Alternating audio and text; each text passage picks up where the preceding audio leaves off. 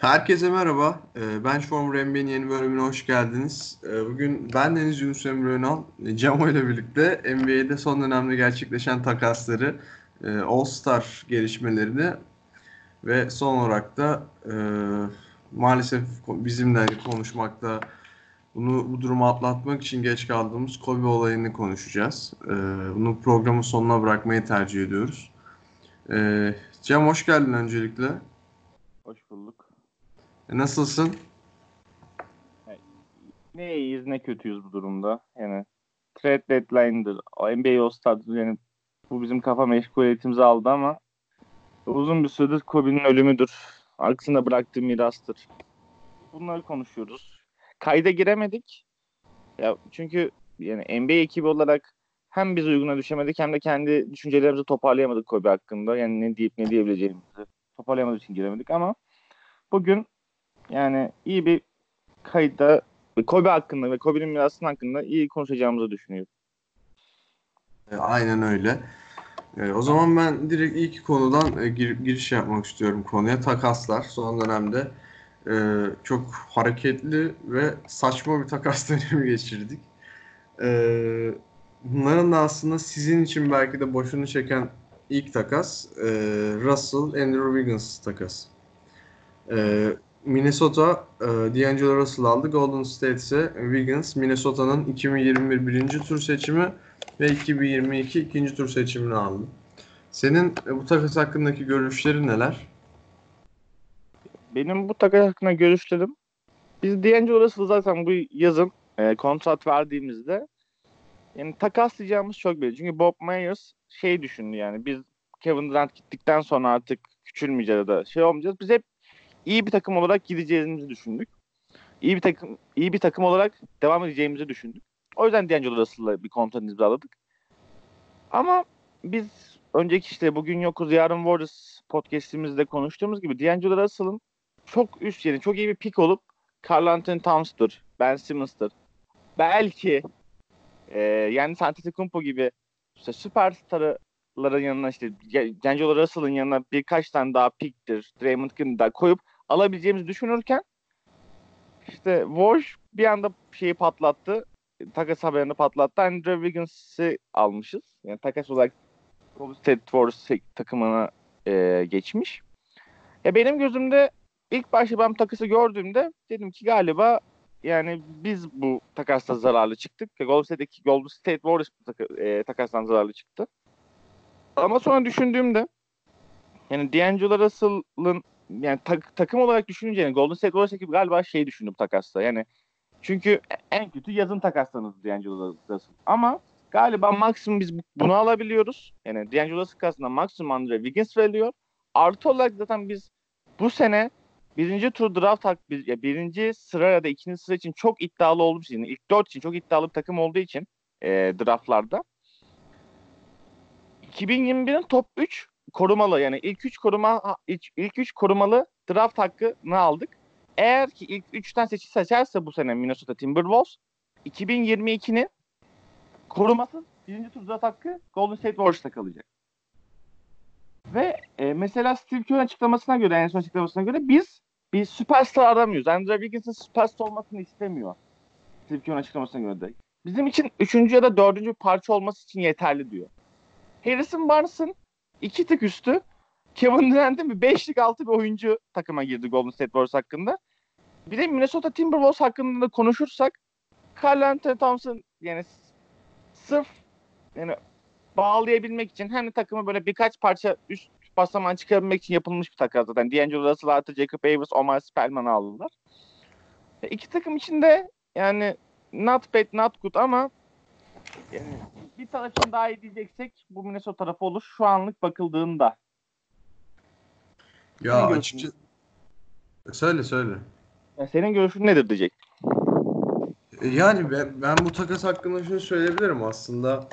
E, Wiggins'ın ben çok dengesiz bir oyuncu olduğunu düşünüyorum. Yani bu çoğu kişi de aslında bu konuda benimle fikirdir ancak e, Golden State mevcut durumunda zaten Golden State bu riski almak zorundaydı. Çünkü yavaş yavaş hani ben şeyi hissetmeye başlamıştım. Hani D'Angelo Russell'ın ellerinde patlayacağını e, hissetmeye başlamıştım. Bunun sonucunda da hani D'Angelo Russell'ı mecburen bir takas takası e, takasla göndermeleri gerekiyordu. Şimdi Wiggins geldi. E, yine sene sonunda bir seçim seçim yapacak Golden State. Şu an ligin en kötü takımlarından. Hani Aynen. Curry, Thompson, Wiggins ve drafttan seçecekleri oyuncu çekirdeği Golden State için aslında Artı, çok artı bir de Draymond Green de var yani bize. Yani- Yani. tabii Draymond Green de var. E, çok şey e, Golden State için çok yani yine aslında bir iki yıl için tekrar en tepeye çıkmaları için bir fırsat ortaya koyuyor. Ama bunun için e, Wiggins'ın bu takım içi e, durumda nasıl harmanlanacağı çok önemli. Üstüne tabii seçecekleri oyuncu da önemli. E, ama yani iki takım için de bu ligin ikinci yarısında bir şey değiştirmeyecek. Çünkü e, iki takımın da bir iddiası yok. Dolayısıyla sadece ben şu anda Wiggins'in durumundan çok e, D'Angelo Russell'ın e, Minnesota'ya nasıl uyum sağlayacağını merak ediyorum. Kendisi has evlatlarımdandır benim. E, Minnesota'da Towns'la iyi bir şey olmalarını istiyorum tabii. E, bu takas hakkında söyleyeceğim başka bir şey var mı? Ya başka bir şey şey var benim yani bir iyimserlik görüşüm yani bir Golden State Warriors podcast çektiğim için yani taraftarda olduğum için bir iyimserlik görüşüm var Andre Wiggins hakkında. Yani Andre Wiggins şu NBA'ye gelene kadar yani NBA'de draft edildiğinde şu zamana gelene kadar hep ya birinci ya da ikinci oyuncu olmak zorunlu gibi gösterildi. Yani mesela Minnesota Cleveland'da ilk seç Cleveland sonunda Kevin Love karşılığında yani onların eksenli bir takasla gönderildi Minnesota'ya. Ve Carl Anthony beraber o e, o takımın sürükleyici iki parçasından bir tanesiydi. Ama herkes biliyor ki Wiggins sürükleyici ilk iki parçadan birisi olamayacaktı. Yani hepimiz izleyip de görüyorduk bunu. Ama şimdi yani devir değişti. Durumlar değişti. Wiggins'in iyi bir Wiggins'in en iyi oyuncu olmasına gerek yok. En iyi ikinci oyuncu olmasına gerek yok. En iyi üçüncü oyuncu olmasına hiç gerek yok. Yani Draymond Green de var. O bizim için yani Andrew Wiggins'in Golden State Warriors için sadece tamamlayıcı şut atabilen yani orta mesafe atabiliyorsa bitirebilen çok iyi değil. Çok kötü de değil ama çok elit dağıtmıyor orta mesafeyi. Ama Golden State Warriors için galiba yani bu büyük ihtimalle takım da bunu gördü. En iyi takas şeydi o. Bir de birinci tur draft hakkı da alınca yanına bence kötü bir seçim. Yani olabildiğince kötü bir seçim olmadı. Ama yani adı geçen isimleri düşününce bu seçim aslında biraz hayal kırıklığı oldu. O zaten Yani. doğru Yunus. O zaten doğru. Bi- bi- Bizim podcast'te neler konuşuldu. Yani ben bunu ilk takas görmedim. Elim ayağım titredi. Böyle dedim ne oldu? Bunu mu cidden bu mu demiştim ilk. Ama ondan sonra oturup düşününce galiba hani de Andre Drummond'ı görünce en sonda nelere gittiğini kimler nelere gittiğini görünce dedim ki biz iyi kurtulmuşuz. Ee, o zaman yine diğer bir takasa geçelim. Aslında e, bu takas hani sadece şey olarak bir rezalet değil ama takasta verilen oyuncular olarak bir rezalet değil ama olayın gelişimi sebebiyle çok büyük bir e, gariplik. Yani Andre Iguodala takası. Iguodala'nın e, isyan bayrağını çektiği takas. E, sen bu takas hakkındaki en başta bu Iguodala'nın durumu hakkındaki görüşlerinle girelim. Ondan sonra verilen oyunculara gireriz. Iguodala benim için benim için çok değerli bu. Benim çok farklı ve değer değerli bir oyuncu. Çünkü ilk olduğumuz şampiyonlukta Iguodala'nın rolü zaten ki hakkı da verildi. Finals MVP ödülünü aldı. Benim için çok farklı bir oyuncuydu. Ama bu son zamana kadar, bu son zamanda yaptığı ya terbiyesizlik midir? Yani çok ağır söylemler söylenebilir. Çünkü yani bir kontratın var. Kontratına bağ, yani imzayı atıyorsun. Bir de bir yıllık 17 milyon dolarlık bir kontratı imza attı. İmza atıyorsun. Oynamayacağım diyorsun. Okeydir. Yani oynamaya o, yani takımı takımı zorla seni illa toksiklik yapacaksan oynatmaz oynatmayabilir seni yani. Soyunma odasına sokmayabilir. Ama şey çok saçma geldi bana. Yani ben beni bir takıma benim istemediğim takıma takaslarsanız orada da oynamam deyince e, sizin oyuncular oyuncular sendikasıyla ligin kulüp sahipleri yaptığı arasındaki toplantının bir anlamı kalmıyor. Çünkü siz yani takas demek e, bir insanı takaslamak e, bu normalde insani koşullara, şartlara uygun bir şey değil. Çünkü senin isteğin dışında bir şey gitmek normalde değil. Ama aldığınız paralara orantılayınca bu işi Siz de bunu kabul ediyorsunuz. Oyuncular sendikası bu işi kabul ediyor. Ama sen diyorsun ki ben istemediğim takımda beni takaslarsanız ben oynamam dersen buradaki bütün köprüler falan filan kılır. O yüzden Andy Goodall'ın yaptığı çok büyük bir suçtu. Benim gözümde de çok büyük bir suçtu. Ve Dylan Brooks'un açıklaması, Ja Morant'ın Twitter'dan göndermeleri falan filan çok yani çok hoşuma gitti. Ne yalan söyleyeyim. Ne kadar Andy Goodall'ı sevsem de bunun yapılması gerekiyordu. Bu- bu- Daha azı yapıldı yani. Lig yönetimi tarafından daha da fazla yapılması lazımdı ama yapılmadı.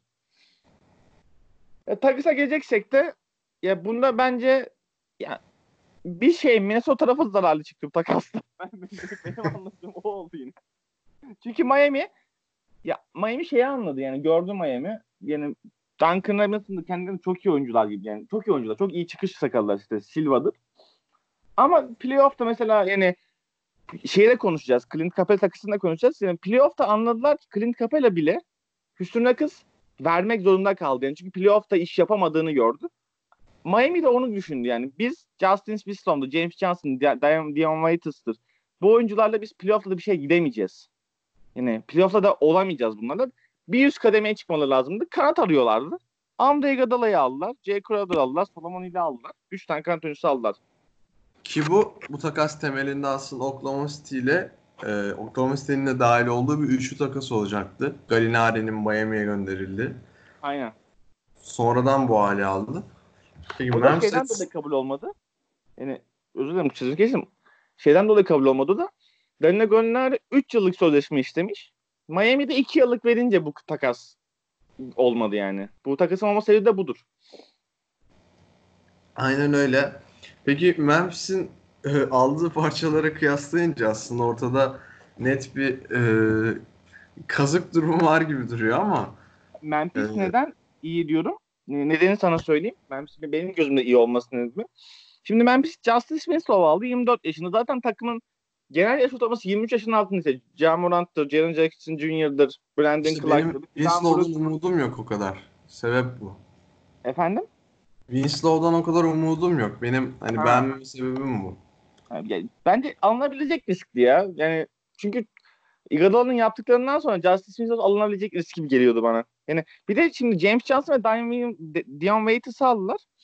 James Johnson direkt Minnesota'ya gönderdiler. George Dieng kattılar kadroya. Bir abi aldılar. Yani abi derken takımda kötü bir karakter almadılar. Dion Waiters de mesela kötü bir karakterdi. Negatif bir karakterdi. Onu da hemen buyout yapacaklarını söylediler. Yani takımdan çıkacaklar. Daha takıma yani soyunma odasına giremeyecek Dion Waiters. Bence Memphis için yani bu genç çekirdek için de iyi oldu. Zaten şeyde biliyorsundur. Jamorant falan filan adı yani şey Jamorant da Dylan Brooks'tur. Yani bu Miami Heat'le bence karşılaştıkları maçı ben yani kimin maçı varsa onu açmayacağım. Yani o maçı izleyeceğim çünkü işte tokatlayacağız. Yani açıklamalarında bulunmuşlar. Andre Iguodala'ya karşı. Ki haklılar bence yani. Böyle bir durumda ben en son bu kadar e, ağır bir piçliği en son takas konusunda Carmelo Anthony'den görmüştüm. Yani en önemli Biliyorsun. Denver olayı. Denver, New York. New York'a gitmiş, gitmek için o da bayağı böyle uğraşmıştı.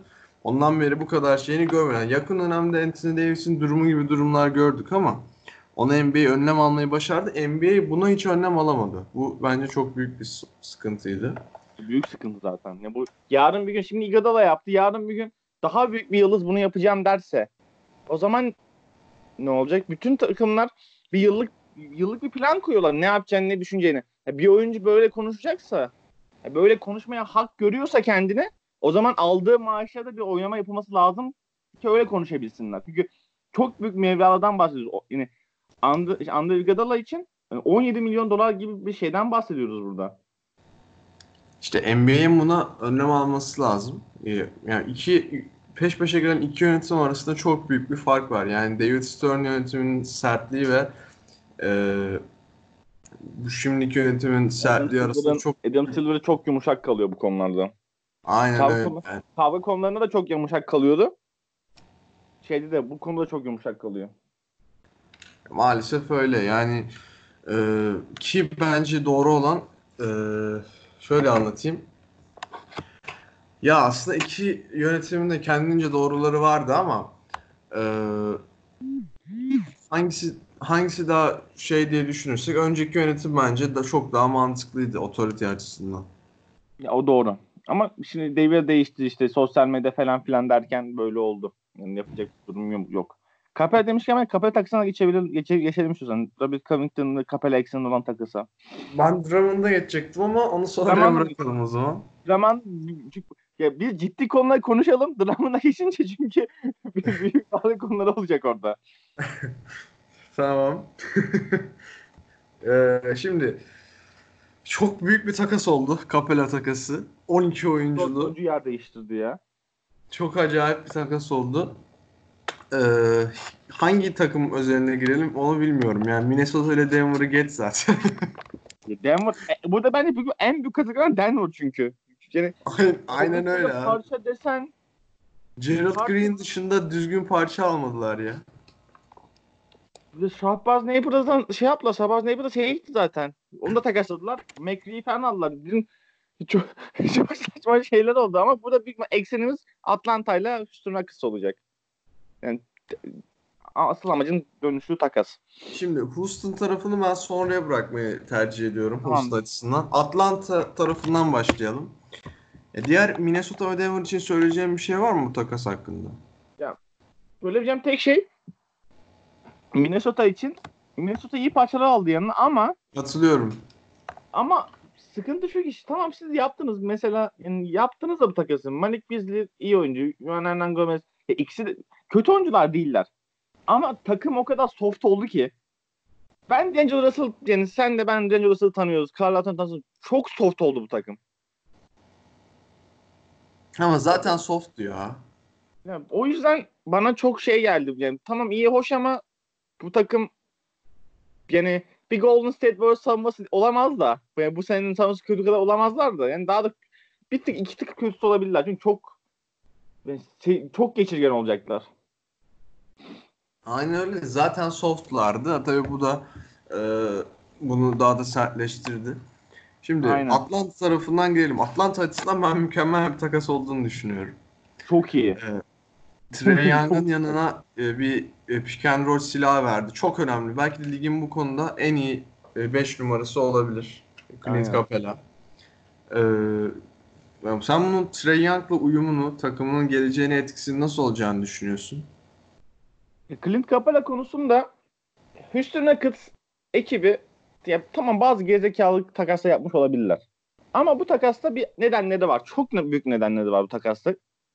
Atlanta'da yapılması sebebinde.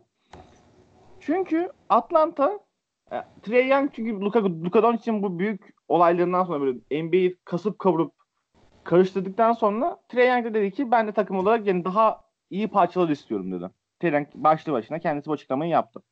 Ondan sonra Atlanta yönetimi de düşündü bizim elimizde çünkü büyük bir boş, boş cap'leri var Atlanta'nın. Bunun sebebi de işte Trey Young'dır, Kevin Hunter, Kevin Hunter'dır, Zach Collins'tir. Yanlış söyledim. Aa, şey ismini unuttum. Şey e, uzunlarının. Bu üç parçanın çok e, az bir kontrat aldıklarından dolayı büyük bir e, salaride büyük salakete büyük boşlukları var. E, t- şu anda da Clint Capela cuk gibi cuk oturuyor yani. Cuk oturuyor takıma. Trey Young'la pick and roll oynayabilir. E, pot altı savunmasını yapabilir. Daha zaten bu takım E, reboundlarda zaten bir silah. zaten yani bu takım şu anda bir playoff yani yarışı da yok. Yani bir playoff için mesela yani Houston Rockets'ın düşüncesi şuydu. Playoff'la da Clint Capela büyük bir negatif katıyor takımı. Ama böyle bir düşünceleri de yok şu an. Daha fazla eklemeler çıkarmalar da yapabilirler. Bu kontratlar sayesinde, elindeki bulun- bulundukları kontratlar sayesinde. O yüzden Atlanta için yani 10 üzerinden 9'luk takas. Çünkü bir de ya- yazında çok iyi oyuncular çıkmayacak boşa yani. Çoğu oyuncunun kontratı düşmüyor bu yaz. O yüzden adamlar yazın harcayabilecekleri bir takası şu an harcadılar. Yani yazın harcayabilecek bir şeyi, kontratı şu an harcadılar. Bence onun üzerinden 9 takas e, Atlanta halkı için. Aynen öyle yani mükemmel ötesi bir takas oldu bence Atlanta açısından. Bu çok iyi bir fırsat çıktı. Çok da iyi bir kazık attı diyelim. Şimdi Houston tarafına geldik. Ee, Houston tarafına nasıl gireyim bilmiyorum. Yani bu şey gibi. Ee, tamam abi mo- Face and Space, modern basketbol şu- şöyle Mike, Mike D'Antoni zaten çıkarmak. Mike D'Antoni zaten bunun ne kadar bokunu çıkartabileceğini göstermişti ama bunu da beklemiyordum ya. bu kulübü. Bu, bu başka bir şey.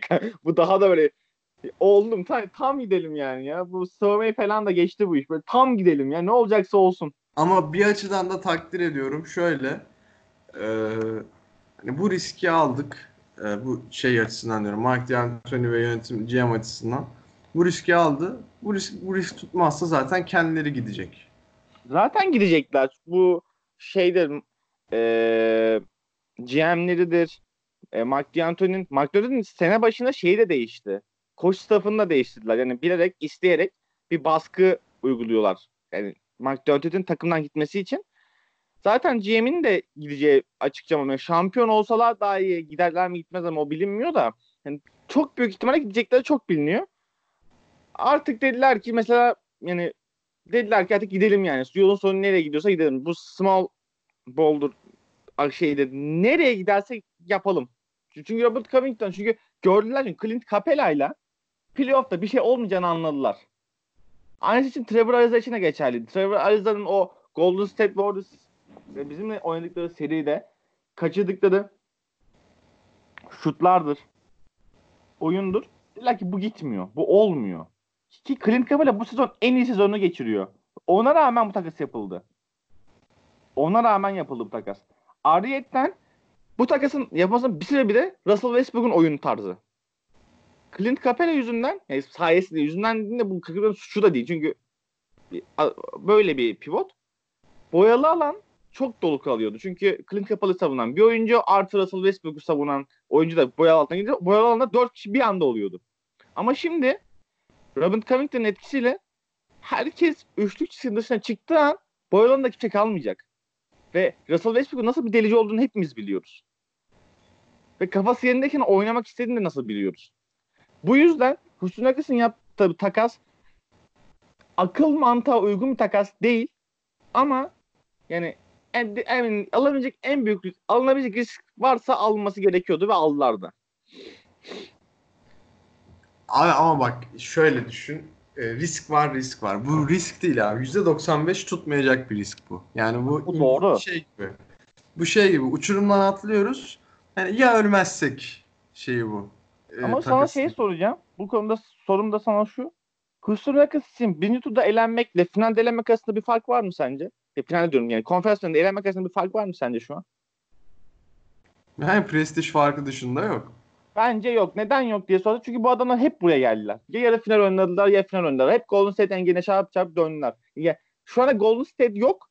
Yapacakları tek şey de buydu. Çünkü kontratlar o kadar ağır ki Russell Westbrook'un kontratı olsun, James Harden'ın kontratı olsun derken Clint Capela'nın kontratından kurtuldular da. Ya onda Clint kontratı da iyi yani. 10 15 milyon arasında bir kontratı var senelik. Clint Capela oyuncu için çok iyi bir kontrat ama yapabilecekleri tek kontrat da buydu. İşte Eric Gordon'a verilen kontrattır falan. Bence yani aklı selim bir şey değil ama benim ben, ben benim için hoşuma gitti yani. Bu takas yapması benim için hoşuma gitti yani. Nasıl oynanacak? Çünkü hiç görmediğimiz bir şey oynanacak mesela şu an. Ne?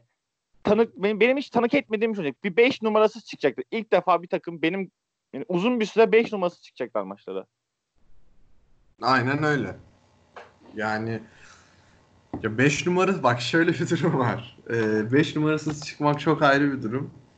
3 numarası yani, yani şöyle Robert Covington şu an 4 oynuyor ama onda mesela kariyerinin başlangıcı 3 numara ya. Aynen. Bu bağlamda baktığında şu an takımda aslında orijinal 4-5 yok. ee, en uzun Robert Covington işte. 2-0-6. Ya Robert Covington 2-0-6 da dediğim gibi başlangıcı 3 sonradan yani 4'e evrildi zaten. Hadi onu, onu geçtim. Şu an bak takımda bunu şey açısından değerlendirelim. Takımın e, bunu nasıl kurgulayacağı açısından. Şimdi hücumda kesinlikle çok çok büyük bir silah olacak. Yani e, pace and space açısından herhalde tarihin gördüğü en iyi pace and space şeylerinden birini oynayabilirler. Mark D'Antoni'nin bunda ne kadar etkili olduğunu biliyoruz zaten ama işin savunma tarafında e, yani devamlı switch yapacaklar. Eee Devamlı yapmak zorunda. De, devamlı. Yapmak zorunda çünkü yapmazsa zaten darma duman olacak. E, bu switch yaptığı durumda da bu sefer şey savunmada iyi duramayan yani iyi pozisyon alamayan herhangi bir oyuncu olduğunda rakipler cezayı hemen kesecek. Ya bunun da çözümü nasıl? Ama bu, bu, bunun da bir olayı var mesela. bu post-up olayında sıkıntı yaşayabilirler. Mesela karşı takıma büyük bir şey gözüküyor mesela. Yani post-up'a indirelim atalım diye de bu bence birazcık şey olacak bunlar için. Bir kötü bir yön olacak karşı takım için. Houston'a karşı oynayanlar için. Çünkü bu bir tuzak yani onlar için. Çünkü şu andaki NBA oyuncuların hepsi yani, yani bel alt bebe şey kalbur üst oyuncuların hepsini güçlü güçlü insanlar yani bayağı güçlü insanlar. Ve çoğunun güçlü olmasının şey de böyle vücut üstü değil. Vücut altı çok güçlü bunların. O yüzden e, eğer ki karşı takımlar biz bunları post-up'la full pot altına indirmekle yeniriz diye bir düşünceye kapılırlarsa çok büyük yanılgıya düşeriz. Ama zaten playoff olunca bütün şeyler belli oluyor. İyidir, kötüdür, her şey belli olduğu için takım takımların oyun için değil de takım için çalıştıklarını olunca e, eksikleri zaten ortaya çıkacak. Aynen öyle yani. Ama yani bu şeylere rağmen takımın tolere edemeyen mesela savunmada e, tolere hatta iyi bir savunma takımı bile olabilirler belki diyorum. Ama e, tolere edemeyecekleri tek bir şey var o da e, Rebound. reboundlar. Yani reboundlara nasıl çözüm bulacaklar ya daha doğrusu bulamayacaklar da yani Bulamayacaklar ligdeki, bence de. Ligdeki, çoğu, ligdeki çoğu takım şey olacak yani. Ligdeki çoğu takım reboundlarda üstünü kurmaya geç ezecek çoğu maç. Öyle olacak gibi duruyor. Aynen. Yani bunun da e, çözümü yok. Ha bu bizim dediklerimizin aksine bu takas çok işe yarar da Houston işte gidip NBA şampiyonu falan olursa da ben herhalde NBA takip etmeyi bırakırım yani o kadar söyleyeyim. Ya benim zaten şu an Golden State kötü gittiği için yani çok maç maçlarını izliyorum. Bir 10-15 dakika bakıyorum. Maç kopuyor ondan sonra tam maçı da bırakıyoruz orada. Yeni maçlara falan filan geçiyoruz. Yine velev ki o gün Houston'un maçı varsa ben o Houston maçını izlerim. Çünkü çok eğlenceli olacak bu maç, bunun maçları. Aynen öyle. Zaten ben takastan sonraki ilk maçı direkt izledim zaten. Lakers maçı olduğu için Lakers'lıyım ben de. Ee, ben Anthony Davis'ten bir şey bekliyordum ama hiç beklediğimi alamadım düştü maç işte. Oldu. Fark ettiysen maçı izlesen Lakers 30'a düştü. Nerede bir şey gördüler. Post yapıyorlar. Hep post up'la Anthony Davis'i indirmeye çalıştılar. Uzunluğu indirmeye çalıştılar. Ama işte 3-2'den büyük. Mesela Harden'ın üstünden mesela bu Kaan Kural'ın son videosunda açıkladığı gibi mesela Harden'ın üstünden post up'tan 0.86 sayı üretiyorsun. Ama Harden Anthony Davis'in üstünden üçlükte 1.11 sayı üretiyor. Şimdi biz bunu 10-15 20'ye vurunca bu sayı farkını açıyor zaten. 10-15 hücuma 20 hücuma bu zaten sayı farkını açan temel şeyden bir tanesi. O yüzden bu Lakers'ın da son maçta hazırlanamayıp kaybetmesi nedeni de bu zaten. Ki şöyle de durum var. Lakers'ın e, Lakers biliyorsun sezonun ilk başında Clippers karşısında post-up denedi. İlk ben onu şey düşünmüştüm. Sezonun geri kalanında ana oyun planı buysa biz bittik diye düşünmüştüm. Aynen herkes o Onu, onu ondan sonra bıraktık zaten. Ondan sonra daha isolation ve e, ikili oyun temelli bir oyuna döndük ama e, bu maçta uzun süre aradan sonra tekrar bir post-up denediğimiz maça döndü Houston'ın bu durumu sebebiyle. İşe yaramadı. Tuzağa düştü. E, ama Houston karşısında her takım bunu bu tuzağa düşmez. E, Houston'ın sezonun geri kalanında yani zor bir sezon geçireceğini söylemem gerek. Aynen.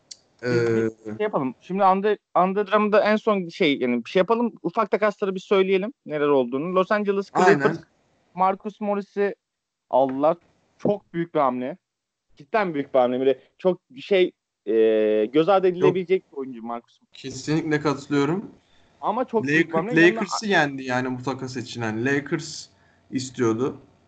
Lakers ama dilerim şimdi Lakers'ta yok Kuzma'yı vermem, Deni Gönülmem. Kimi vereceksin? Jared Dudley mi vereceksin? Şimdi ne, ne, ne draftın var, ne draftın var, ne bir şeyin var. Yani adamlar sana ne isteyecek? Kuzma isteyecek, Deni Gönül isteyecek. Yani çok, o, o, o konuda ben yani Lakers'ın çok şey olduğunu düşünüyorum. Çok pasif kaldılar. Ya, alacaksan vereceksin Kuzma'yı. Kuzma finallerde playoff'ta da ne, ne vereceğini tahmin edebileceğin oyuncu değil.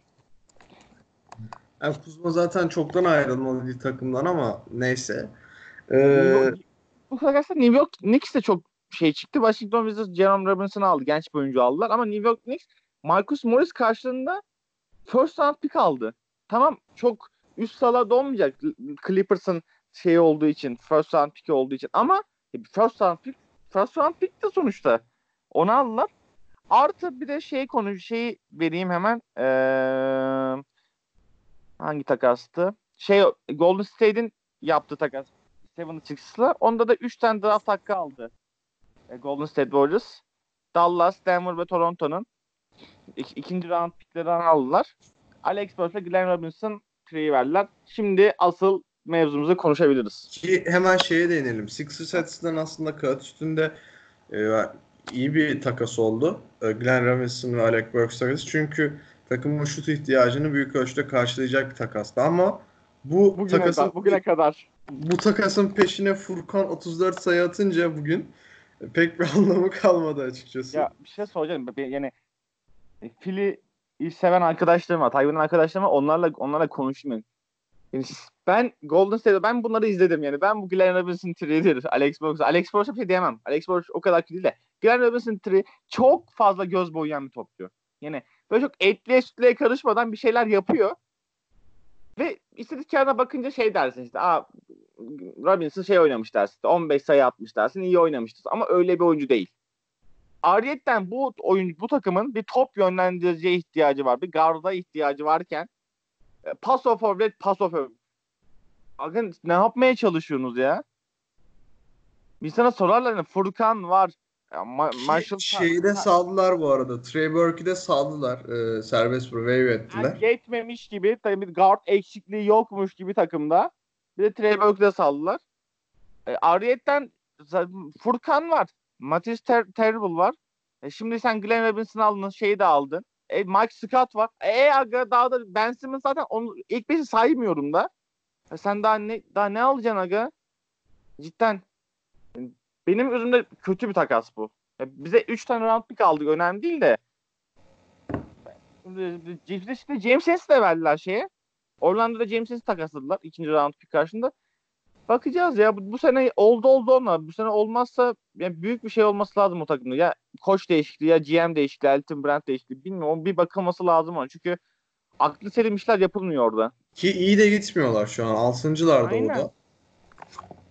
Ee, playoff'ta kesinlikle harcanacaklarını düşünüyorum ben yani. Mevcut koçlarıyla da.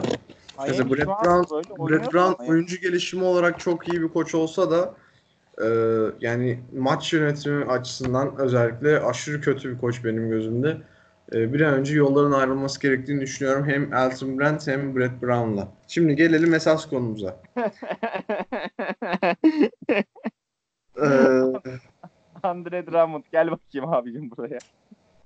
Abi ya şimdi ben nasıl değerlendirmeye başladım? Şey falan düşünüyorum ben. Andre Drummond karşılığında hani Göksel'in Köksal falan versek Galatasaray alırdı herhalde Ben sana söyleyeyim bak. Yan Veseli bile çok daha değerli parça olabilir. Bak sana Yan Veseli'yi verirken düşünürsün beni. Ben Yan Veseli karşısında John Anderson, Brandon Knight almam aga. Bak. öyle. bu, nasıl kötü takastır ya? Ama bu kadar mı nefret etti yani? Bu kadar mı istemiyor? Ben, oyuncu opsiyonunu kullanır diye korktu galiba. Bunun, bunun bayağı açıklaması yok. Çok Ya tak- şimdi şöyle açıklamaya çalışıyorum. Ee, Drummond'un 28.8'lik bir e, şeyi vardı, kontratı vardı. Yani bundan çekinip artık hani bundan çıkmak için yaptılar bunu belli ama abi bu kadar da saçma takas yapmazsın ya. çok çok kötü ya. Yani çok yani ben şeyden Detroit Pistons'ın bu kadar yani şey haberi de düştü. Yani e, Boston'da şey Andre Drummond'a bir teklif de sunmuş. Ne, ne ne istersiniz tarzında. Marcus Smart demiş. E, yani utanmaz? Sen John Hanson, Brandon Knight karşısında şey yapıyorsun. Boston'da şey mi çekiyorsun? Marcus Smart'ı mı ver diyorsun? Bu, bu çok büyük iş bilmezlik bu ya. Bu başka bir açıklaması. Büyük iş bilmezlik bu. Zaten ya, tanking yapıyorsun sen tanking yapmıyorsun. Şimdi çünkü Black Griffin var elinde, Reggie Jackson var, Andre Drummond var. Tamam iyi değiller ama yani göz boyayan bir takım bu. Yani ilk Derrick, Derrick Rose var. Et, bu takım öyle ya da böyle en kötü 8'den falan filan girebilecek bir takım. Bu şeye e, playoff'la girecek bir takım. 8'den 7'den girebilecek bir takım. Öyle ya da böyle. Sen e, o zaman Black Griffin takasını niye yaptın derler adama. Derrick Rose'la bu sezon niye imzaladın diye sorarlar. Ki Derrick Rose'u da sen takaslamadın şu an. Yani maksimum Derrick Rose'un piyasası şu an bu kadar olur. Birinci round pick alabilirsin. Ki alında alamadılar. Takaslamadılar Derrick Rose'da. E aga sen daha ne, ne, ne, ne, bu nedir? Ne amaçtır? Nasıl bir yönetimdir? Yani hayret ediyorum ya. cidden hayret içerisindeyim ya. İşte dedim işte bu şey Wiggins takasında görünce bunu dedim biz iyi kazanmışız. Biz iyi almışız Wiggins'i. Çok rezil bir takas. Aynen öyle yani. Ya ben yine klasik Detroit yönetimi deyip kestirip atmak istiyorum ama bir yandan da yani e, bu kadar e, sıkıntılı bir duruma nasıl bu kadar saçma bir takas nasıl yaptıklarını ak- aklım almıyor yani. Bir de sen şeyi gördün mü? E, ESPN'in bu, bu takas hakkındaki analizini falan gördün mü? Kanka Takas- okumaya korktum. Okumaya Şey- korktum diyeyim sana. Şey falan diyor ESPN. E, Detroit Prime Brand- Brandon Knight'ı aldı. İşte yanına da Johansson falan. Lan Pri- Brandon Knight'ın Prime'ını alsan ne olur? Drummond Brandon. Knight'ın prime'ı Rising Star'da Kyrie Irving'e şey yiyordu. Ankle breaker yiyordu. Şimdi ya ESPN yapmayalım ya. Abi ben Peki Detroit açısından bayağı gömdük de Cleveland açısından değerlendirelim. Cleveland açısından çok iyi fırsat.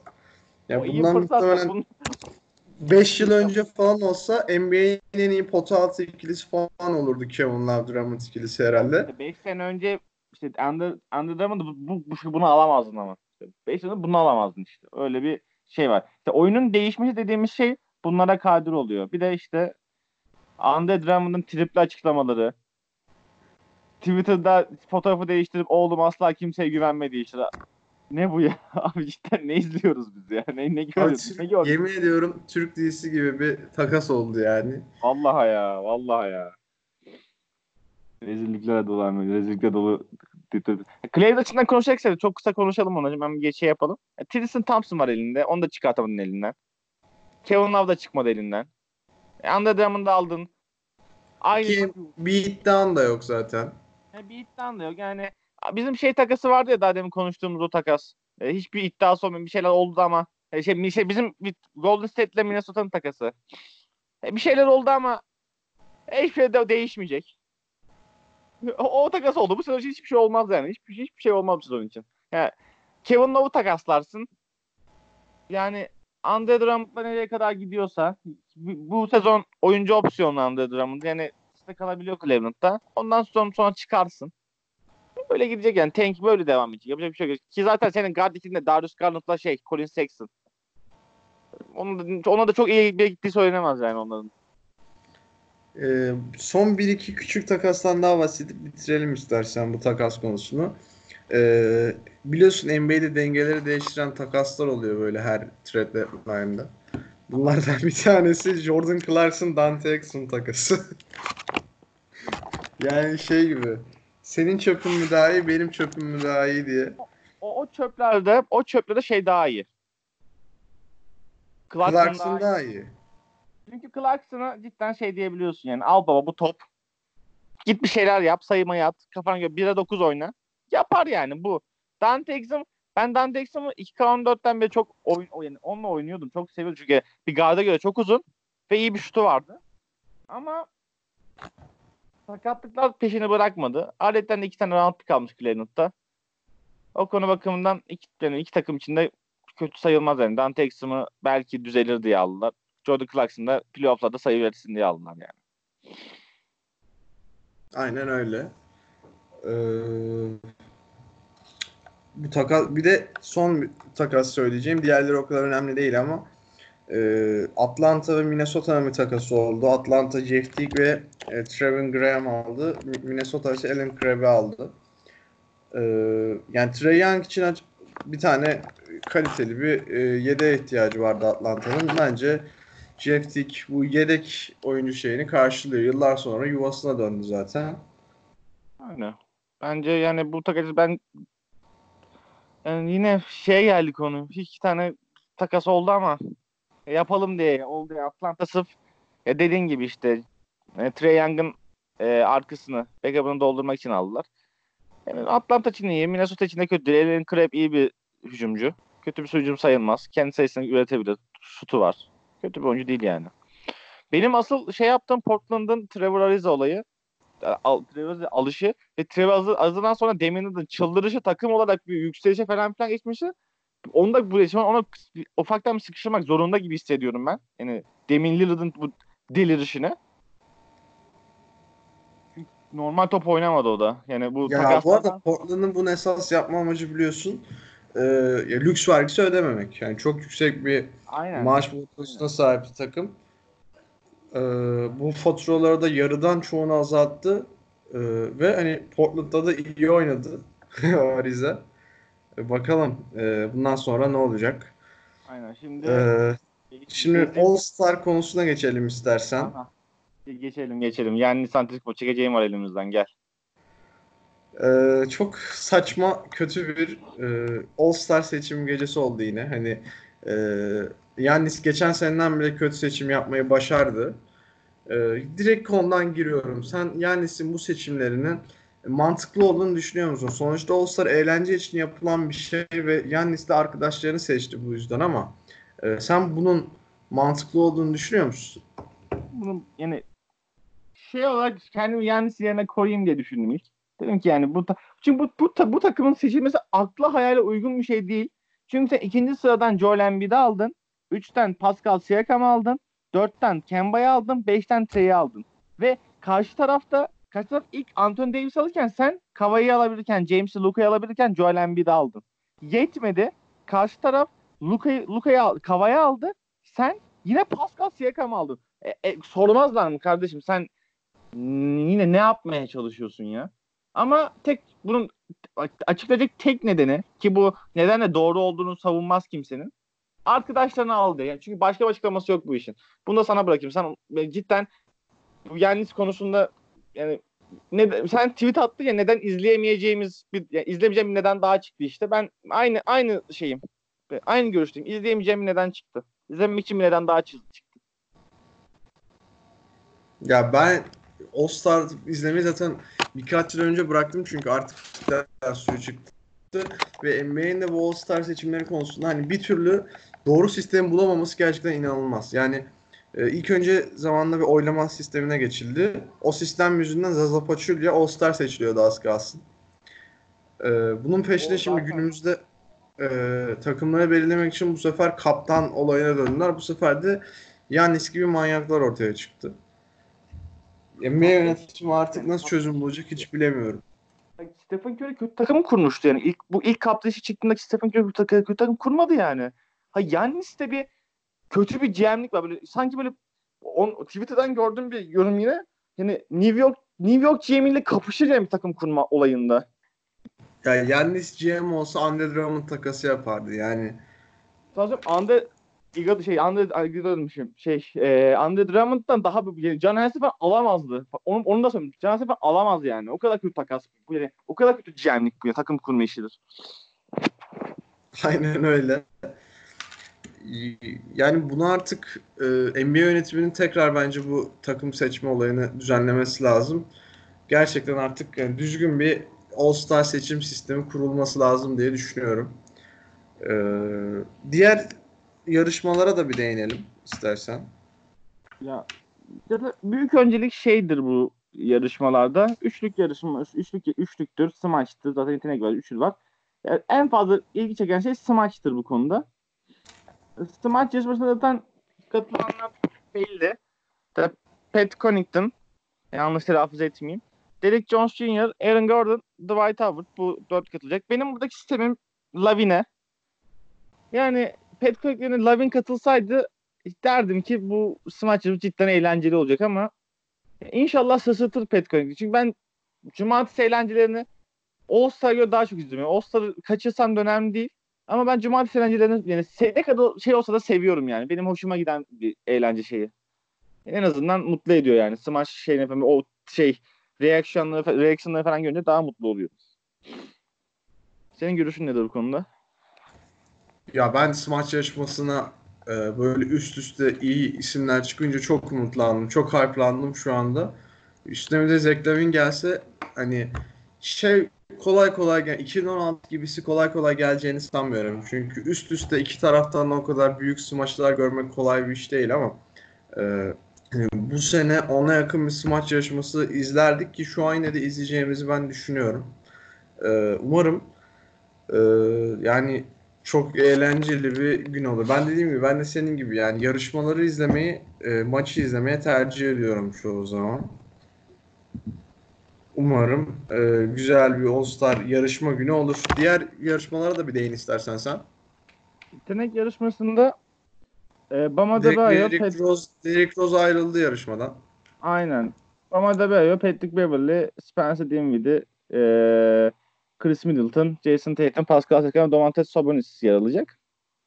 Ya benim burada düşüneceğim büyük ihtimalle ben Spencer Dinwiddie'nin alacağını düşünüyorum ya. Benim bu şeyimi düşüneceğimde bilmiyorum. Bana birazcık şey geliyor ama ben Spencer Dinwiddie'nin alacağını düşünüyorum. Üçlük. Zach Lavin biliyorsun üçlük yarışmasında. Aynen. Onda ben şey yeni bir kural getirildi ya. Orta sahada işte logo üçlüğünde de 3 üç tane top yapmış. Üçer top. Ve biliyorum biliyorum. O Damian Lillard diye düşünüyorum ben. Çünkü çok yanarak geliyor bir de oraya. Bir de rap şey konser falan filan verecek. Olsun. Benim orada favorim Damian Lillard. Aynen öyle. Ee, son olarak bir de Rising Stars maçına değinmeye gerek var mı bilmiyorum da. Ya bence yok da ama şey konuşacaksa şey konuşabiliriz onda da. Ondaki rezilliği de konuşabiliriz. De alınanlar alınmayanlar, alın, alınmayanların Instagram açıklamaları falan filan derken. Ya Rising Ee, Stars'ın o kadar önemsenecek bir maç olduğunu düşünmüyorum açıkçası. Ya işte oyuncular şey olarak düşünüyor.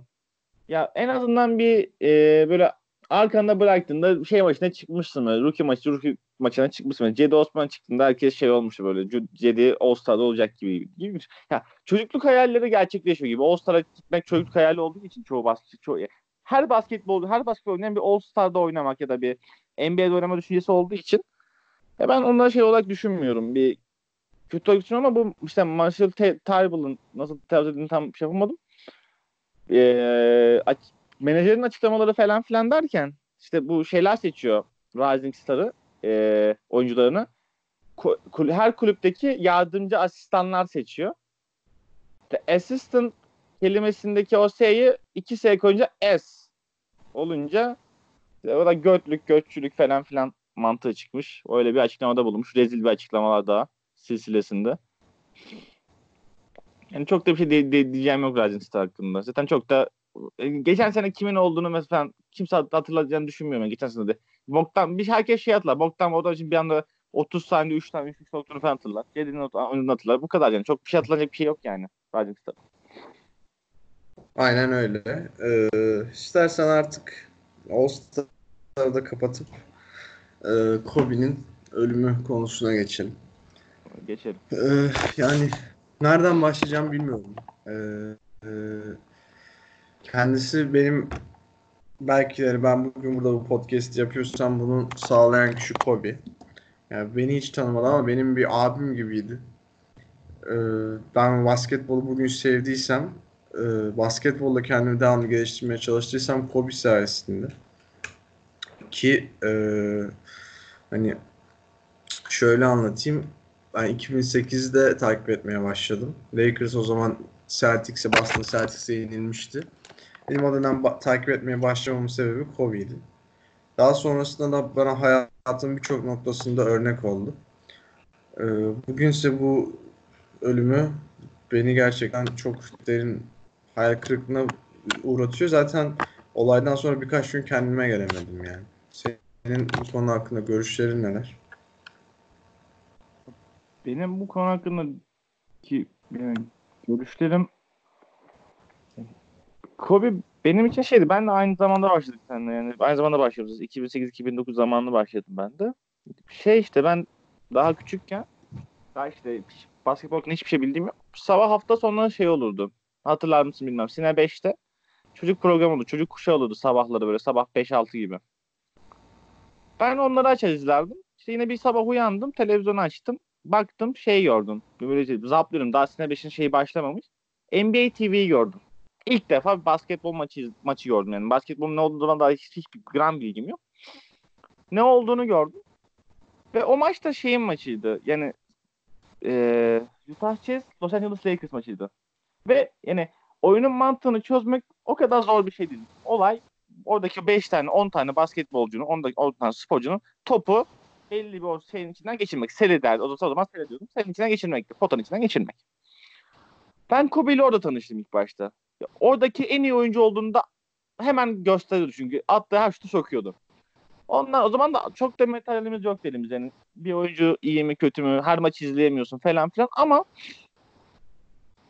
yani işte teknoloji geliştikçe ben büyüdükçe ya basketbola sevgim arttıkça daha doğrusu Kobe olan sevgim de arttı. Benim en üzüldüğüm durum ya Kobe hakkında en üzüldüğüm durum şey olmuştu. Ben 2012'den beri 2011-2012'den beri Golden State Warriors'ı şey yapıyorum, destekliyorum. Onun onun maçlarını izliyorum genelde. Kobe'nin o Aşil tendonu sakatlığı bizim maça denk geldi. Ben dedim eyvah dedim öyle bir o düş gördüm eyvah dedim gitti. Ama şeyi görünce de o dönüp Aşil'in koptuğunu çünkü yürüyemeyecek yürüyemiyordu. Yani o seke seke gitti. Ama o Star Wars dedim ki dedim ki artık bu bambaşka bir durum. Bu bu Mamba mental için bile çok fazla bir durum dedim. Ölümünü de duyunca zaten aynı benim senin gibi ben de birkaç gün kendime gelemedim. Evde yani durup durup şey düşünüyorum böyle bir 15 dakika falan geçiyor. Lan Kobe ölmüş diyorum kendi kendime. Lan nasıl ya dedim böyle. Ben şey burada adını geçirmek değil yani. Alper çok seven bir insan dedim. De, şey videolarını çok izleyen bir insan da değilim. Ama Alper'in videosunu izlediğimde Kobe hakkında yaptığı videoyu ben cidden hüngür hüngür ağladım. Yani elim ayağım boşaldı Kobe'nin durumunu görünce. Kobe'nin videosunu izleyince. Bir de işte kızı öldü, ailesi de vardı falan. Böyle bir anda 5000 tane haber gelince Twitter'a böyle ben yani cidden bir otobüs çarpmışa, kamyon çarpmışa döndüm.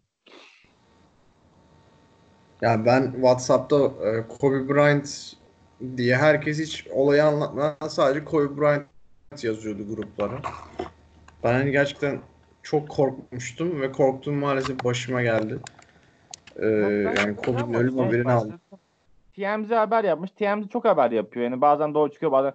Ben dedim ki inanmadım ilk başta. Ondan sonra işte şeyler gelince tweetler gelince üst üstüne dedim ki korktuğumuz cidden başımıza geldi. Yani Kobe ben benim için asıl Kobe'nin şöyle e, hani bu işe başlamamda bir önayak olmasının dışında Kobe benim şey, ilgim şöyle 2008 Lakers Celtics finali. Lakers'ın 4-1 kaybettiği final. Abi Boston'dı benim. O maçı izlerken e, ben de işte ortama giriyorum. O an hani çok ilgimi çekiyor. Yani hem Lakers'ın formaları çok hoşuma gidiyor hem e, Kobe'nin bu oyunu çok hoşuma. Zaten Kobe ve Gasol benim en sevdiğim iki basketbolcu. O iki basketbolcu beni o gün büyülüyor orada. Ee, daha sonrasında işte hani ben basketbolu sevmeye başlıyorum Kobe sayesinde devamlı hani bu süreçte Kobe'yi izlemeye devam ediyorum. İşte 2013'e geldiğimizde Kobe'nin aşili kopuyor ve gidip hani senin de dediğin gibi serbest atış kullanıyor ya o duruma rağmen. Bu çok üst düzey bir şey. Yani çok üst düzey bir hırs. Zaten hani benim mesela Kobe'nin bu kadar e, önemli yapan şeylerinden birisi, özel kılan şeylerinden bir tanesi mesela. Haberi ilk aldığım anda belki insanlar çok ütop- ütopik bile gelebilir ama Kurtulmuştu Kobe'nin- dedim, değil mi? hayır hayır ben şunu düşündüm. Kobe'nin böyle kıyafetleri falan dağılmış şekilde helikopter kazasından sağ çıkabileceğini düşündüm. Ha, şey kurtulmuş ol. Ben de o, aynı düşünce bende de vardı. O kazayı duydum. Kız- dedim Kobe kurtulmuştur dedim ya. O bir şekilde o, o yapmıştır. O kurtulmuştur. O yapar dedim böyle. Çünkü normal bir insana yüklediğimiz şeyleri onlara yükleyemeyiz. Onlar bizim yani ya işte şey var ya he- heroes şey kahramanlar ama efsaneler zaman kalır. Efsaneler ölmez muhabbeti. İşte o bambaşka bir şey ulaş. Kobe için yani canlı gözle gördüğüm süper kahramandı. Yani süper kahramanlar bir şey, her şeydi ya. Bir bir, ka- bir öyle bir karakterdi ki yani her şeyi Kobe yapar diye düşünüyordum. Her şeyi ama. Yapar yani. Niye yapamasın? Kobe sonuçta diye düşünüyordum. E, mesela sen de ben de Kobe kadar hızlı ben, ben senin geçiyorum da ben senin şey diyeyim mi? Kendi içimi konuşayım. Kobe ben Kobe kadar hızlı değildim.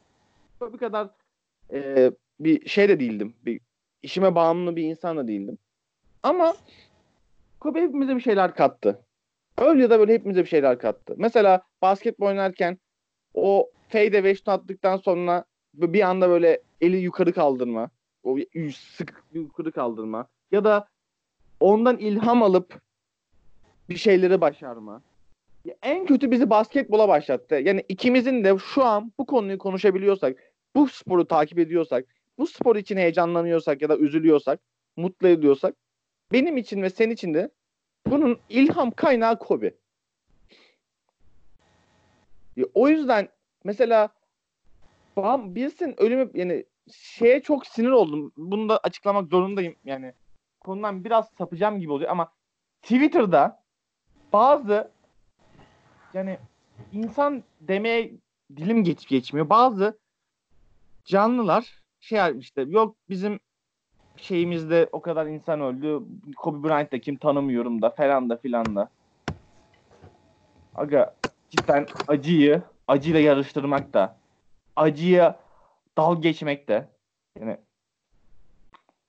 ya büyük büyük karaktersizlik diyeyim ben. Yani büyük karaktersizlik. Büyük karaktersizlik. Sana bırakayım. Aynen öyle. Yani e, yani şey olarak da bunu bu kadar dramatize eden şeylerden bir tanesi hani Kobe 80 yaşına gelip kalp krizinden ölse ne kadar büyük oyuncu olursa olsun yine bu kadar etkilemezdi. Ama hani kızıyla birlikte böyle dramatik bir şekilde ölmesi beni yani insanları bu kadar sarsmasının temel sebebi. Herkes Evet, şey maçını hatırlar ya. Utah maçını hatırlar mesela. Mesela sen mesela sen Utah maçını izlerken nerede olduğunu hatırlıyor musun? Hayır. O- Son Utah maçı. Son 60 sayı attığı maç. Ha ha evet evet. ikonik anlardan bir tanesi. Eğer bir işte söz vardır ya bir haberi bir şeyi izlerken nerede olduğunu biliyorsan ve ne yaptığını hatırlıyorsan o an özel alınır. Ya mesela şey aklımdan çıkmıyor. Kobe'nin 60 sayı attı ya o maç.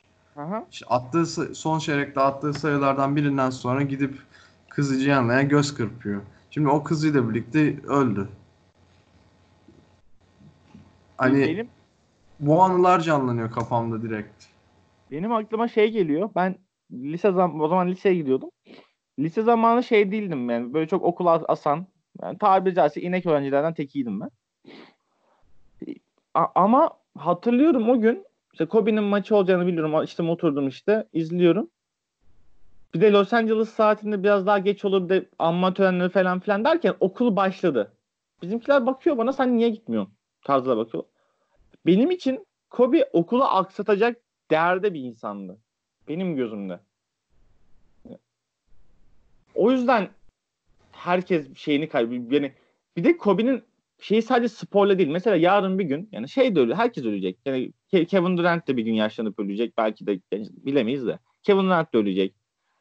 James Harden ölecek. Russell Westbrook ölecek. LeBron aynı konuda değil. LeBron'u başka bir şey koyuyorum. Yani NBA'cıların çoğu ölecek. Ama hiçbiri bu kadar global ölmeyecek. Ve bu kadar insan hayatına dokunarak ölmeyecek. Yani sadece mesela Kobe'nin ölümünden sonra tabii basketbol dünyası şey yapmadı. Anmadı Ko- Kobe'yi. Müzik dünyası da andı. Ünlü siyasetçiler de andı. Bu, bu, bu olmak çok başka bir şey işte. İşte bu yüzden Kobe ol- olamıyorsun dünyada. Ya da Michael Jordan da LeBron olamıyorsun. Bu kadar kolay olunmuyor böyle şeyler.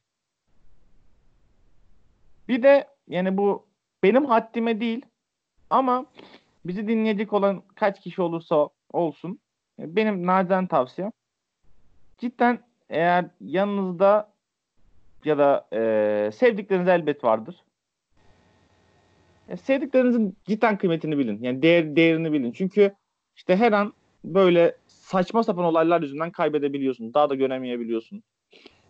Ben Kobe'nin daha basketbolu bıraktığına tam inanamazken öldüğüne inanmak birazcık yani birazcık değil büyük bir şey oldu. Böyle oldu. O yüzden yani bazen ya bu podcast'te bu bölüm bu kısmında cümleleri devam ettiremiyoruz Yunus'la da. Çünkü konu Kobe olunca ve Kobe'nin daha doğrusu Kobe'nin ölümü olunca yani cümle kuramıyor insan. Çünkü üzüntüsü bir daha aklına geliyor. Ya biz topa biz Yunus'la toparlayamadık. Çünkü işte podcast yapalım yapalım yapalım ama ne konuşacağımız hakkında bir bilgim ya şey yapamıyoruz. Bilgimiz yok derken yani to- kafamızdaki cümleleri toparlayamıyorduk. O yüzden bu kadar aksadı. Ya aynen öyle zaten e, hani muhtemelen Kobe'nin rekorlarını geçecek birisi tarihin ilerleyen kısımlarında illaki çıkacak. Yani Kobe'den bir şampiyonluk bir şampiyonluk fazla alan birisi çıkacak. 82 sayıyı geçen çıkacak. Ama e, yani onun kadar hırslı, onun kadar özel bir oyuncu gelmeyecek. E, onun mentalitesine sahip bir oyuncu da gelmeyecek. Bundan eminim.